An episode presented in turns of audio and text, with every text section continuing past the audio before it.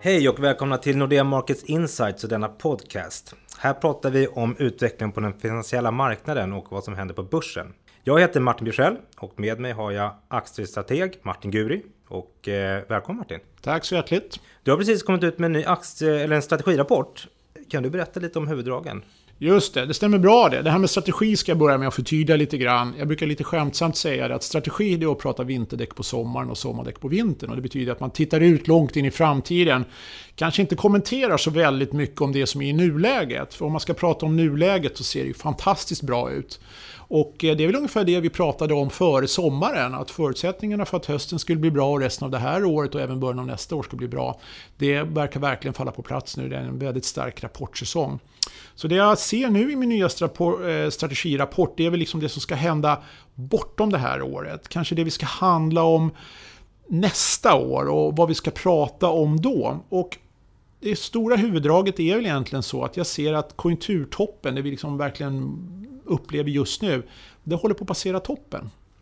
Det är liksom lite svårt med bevisföringen här, för det vet man ju först efteråt. Men man brukar ju titta på sådana här ledande indikatorer. Man brukar ju fråga inköpschefer liksom hur är läget. Man brukar titta på massa olika ekonomiska siffror och liksom kolla lite grann, rör de sig uppåt eller rör de sig neråt? Och jag skulle kunna säga att även om de är på väldigt goda nivåer, som indikerar just precis där vi är just nu, att det är ett bra konjunkturläge, så börjar kraften mattas av. Och då vet man ju att när kraften mattas av, den här andra derivaten börjar bli svagare, då är nästa steg att de här ledande indikatorerna börjar rulla över. Och när de där börjar rulla över lite grann, då vet vi att nästa steg efter det, det är ju liksom att konjunkturen mognar och det man kallar för underliggande makro också blir svagare. Det är ingen dramatik i det här egentligen och det är inget konstigt alls utan konjunkturen mognar alltid förr eller senare. Och nu börjar vi se de första tecknen på att vi börjar komma dit och det här kan låta lite konfliktfyllt då eftersom nuläget och när vi tittar lite grann bakåt och när man hör på rapporterna vad bolagen säger och vad alla prognoser pekar på, det är att vi är i ett högkonjunkturläge. Men jag tror som sagt var att man ska börja förbereda sig på hur det kommer börja låta nästa år och då är det det här strategiska tänkandet. Vad är vi om 6-8 månader? Och då är faktiskt eh, min slutsats lite grann att 2018, som bara ligger faktiskt två månader bort, kommer att handla väldigt mycket om 2019. Och tittar man då på förutsättningarna på 2019 så ser det faktiskt ut som att konjunkturläget nog kommer att vara betydligt svagare än vad det är idag. Och gradvis tror jag då liksom att aktiemarknaden kommer behöva anpassa sig till det här till precis som övriga finansmarknaden. Att man kanske drar ner förväntningarna gradvis. Men som sagt det är inget som syns idag i omedelbara och framförallt inte det som har varit. Men om man tittar långt fram så ser det ut att bli ett annorlunda landskap och det börjar nu utmejsla sig att 19 kommer bli betydligt svagare än 17 och det är det vi kommer handla om 2018. Och vad skulle du säga att det betyder i så fall för, för vinstprognoserna och hur ser de ut idag? Ja, om man tittar på vinstprognoserna så har de varit extremt stabila egentligen de senaste två åren. Ovanligt stabila, vilket jag menar att de inte ändrat sig så mycket från en vecka eller ett kvartal till ett annat. Utan helårsprognoserna har pekat uppåt och att det ska växa ungefär 10-12% i stora delar av världen. Och jag tror vinstprognoserna för i år, de kommer hålla väl. Och jag tror också vinstprognoserna för nästa år, som ligger någonstans mellan 10, 11, 8 procent beroende på var man är någonstans i världen, 9 för Sverige. De kommer nog hålla hyggligt också. Men lite förenklat kan man säga, det är redan diskonterat i finansmarknaden. Det här räknar alla med. Man, man, har en god visibilitet ungefär ett par, tre kvartal framåt. Man kan nog vara ganska säker på att vinsterna hamnar här ungefär. Det som är betydligt mer spännande det är egentligen att börja prata om vinsterna mellan 2018 och 2019. Alltså hur vinsterna kommer att bli två år bort. Och då måste man ju lägga de förväntningarna då som finns i marknaden jämte de förväntningarna som finns då på den makroekonomiska utvecklingen. Och tittar man först på vinstutvecklingen så förväntas vinsterna komma någonstans mellan 9 och 10 procent upp 2019.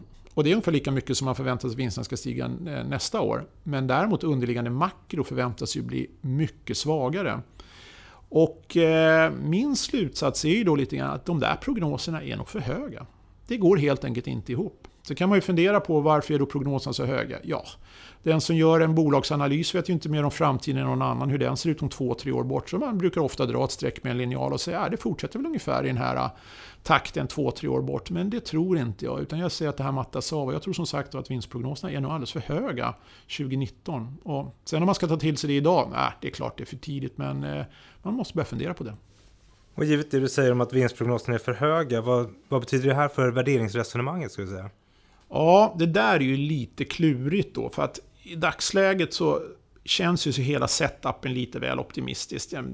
Man tittar på Norden, Europa och USA så ska 90% av bolagen få bättre marginaler de kommande två åren. Det är ju helt orealistiskt. Och det är klart att har man då prisat in ett nästan perfekt konjunkturscenario i nästan perfekta vinster så det är väl klart att då finns ju en stor risk att vinstprognoserna kommer ner. Och redan idag så är ju faktiskt värderingarna med alla mått mätt väldigt höga. Och vi vet ju varför det är så. Det är de låga räntorna och bristen på alternativavkastning och så vidare. Så det, det är där vi är. Men det är klart att det är väldigt utmanande. Och finns det någon anledning då till att man kanske ska handla ner börsen eller många börjar tycka att det här känns alldeles för överdrivet och håller inte vinstprognoserna. Då är det uppenbart att det kan föreleda en korrigering. Så det skulle jag faktiskt räkna med som ett basscenario under nästa år. Att det kommer att bli betydligt skumpigare än vad det har varit under det här kalenderåret. Och vad kan man tänka sig kommer att ske på sektornivå? Ja, på sektornivå då lite lätt förenklat så kommer det väl bli så att man successivt eh, rör sig åt det defensiva hållet faktiskt. Eh, dagsläget då så är det ju ganska lätt så att säga att titta på det konjunkturkänsliga, det som mår så väldigt bra just nu. Nu kommer ju svenska verkstadsbolag in med mycket starka rapporter och pekar på att orderböckerna ser väldigt bra ut och det föranleder ju väldigt många kanske då höja prognoserna och aktierna går bra på börsen. Och det är rätt och riktigt, men grovt förenklat kan vi då säga, ja det var det vi pratade om för ett halvår sedan, för ett år sedan och för två år sedan att vi är ett konjunkturellt uppsving. Och om det nu är så att om vi tittar framåt istället för bakåt de kommande två åren så är det ju faktiskt så att profilen är ju snarare nedförsbacke då konjunkturmässigt.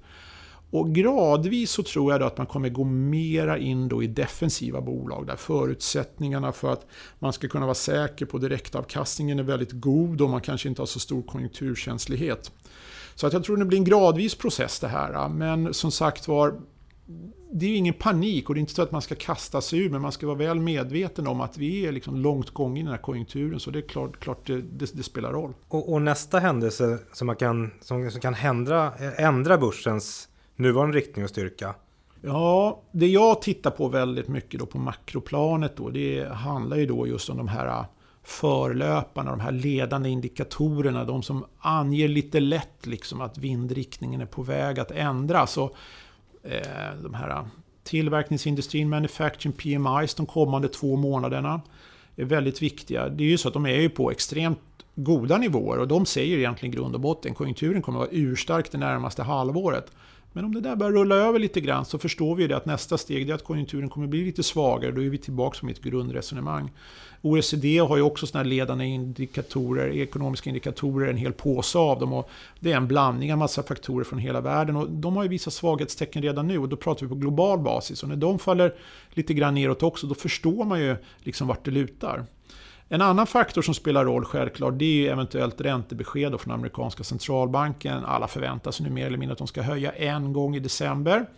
Och eh, sen beror det lite grann på vad de säger om profilen för 2018. Och är det så att man blir orolig för att de ska vara lite för tuff eller av någon anledning skulle ändra sin kommunikation.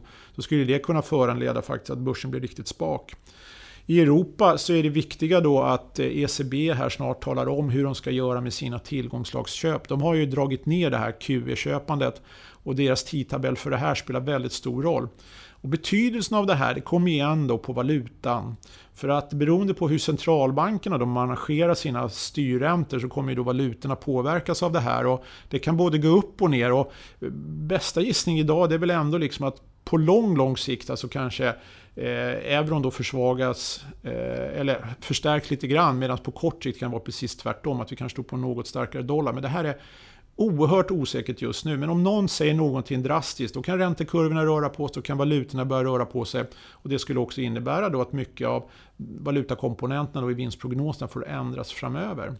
Och sen som sagt var, allt det här kan ju leda till att man gradvis börjar flytta fokus längre fram. Nu är vi väldigt upptagna med 2017, liksom. vi är ju fortfarande här, men som sagt var, om ett par månader är vi inne i 2018 och då börjar man handla på det. Med det sagt då, så finns ju på toppen ytterligare då alltid den här dimensionen av politik och geopolitik. Och sker det så sker det. Om Donald Trump eller någonting händer i, i Nordkorea eller om det blir tråkigheter i Spanien som eskalerar. Ja, det sker om det sker. Det är svårt att ta in, men det är klart att någonstans så kan man ju nå en tipping point så att säga. Då finansmarknaden tycker att nej, det här måste vi nog faktiskt ta större hänsyn till och då kan dominobrickorna börja gå. Det är precis i Sverige också då att allting som har med bostadspriser, bostadsprisutveckling, ränteutvecklingen och börsen påverkar psykologin hos både investerare och gemene man. Och börjar det där liksom gå lite grann åt fel håll, då vet vi av erfarenhet att dominobrickorna kan falla på. Då kan vi komma tristare fönster. Men det är inget som pekar på det just idag, men man ska vara medveten om det. Att allting ifrån ledande indikatorer, centralbanker och politik, det är väl egentligen de viktiga sakerna som kan påverka utvecklingen. Så det är det jag tittar på. Avslutningsvis, skulle du kunna summera upp den här stora bilden och ge din version av vad eh, det kan betyda för börsen framöver?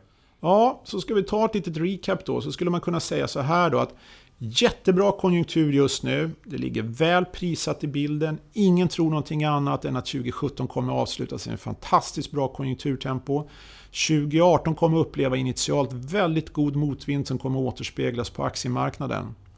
Med det sagt så är bästa gissning idag att 2019 kommer vara betydligt svagare konjunkturläge och det kommer gradvis diskonteras under 2018. Och det betyder ju också det att det som är konjunkturkänsligt på börsen kommer hitta färre köpare, för jag har svårt att se vem ska köpa konjunkturkänsliga aktier om man tror att konjunkturen vänder ner. Och den här gradvisa rotationen kommer visa sig och eh, det finns nog de som börjar tacka för kaffet redan nu och säga liksom att det var en fantastisk resa, men jag tror att det här kommer att tillta gradvis de kommande kvartalen. Och i takt med kanske då att ledande indikatorer pekar på att det börjar mattas av så kan man tänka sig då att på börsen då så, så, så sker en rotation. Med det sagt så tror jag då inte liksom att börsen som helhet på något sätt ska packa ihop. För att vi är tillbaka egentligen hela tiden på grundresonemanget. Vad ska man göra med pengarna? Och avkastningskravet kommer inte förändras med de här låga räntorna och börsen kommer nog vara väldigt attraktiv som investeringsplats trots att vinstutvecklingen nog blir lite svagare än vad man räknar med idag om två år och det ska diskonteras nästa år. För med så här extremt låga räntor så är vi mer eller mindre fast i det här klimatet att du måste ändå försöka göra någonting och institutioner, pensionssparare och alla andra sitter precis i samma båt nästa år som vi har sett de senaste åren. Så börsen alltjämt tycker jag är en bra plats att vara på så jag tycker inte man ska överge börsen men att det blir lite skvalpigare nästa år det tycker jag absolut man ska räkna med. Bra, det händer alltid något på börsen, det vet du med säkerhet. Eh, jag tackar dig Martin för den här analysen. Tack, tack. Och om du vill veta mer om vad som händer på de finansiella marknaderna så hittar du fler analyser på vår hemsida nordeamarkets.com. Tack för att du lyssnade.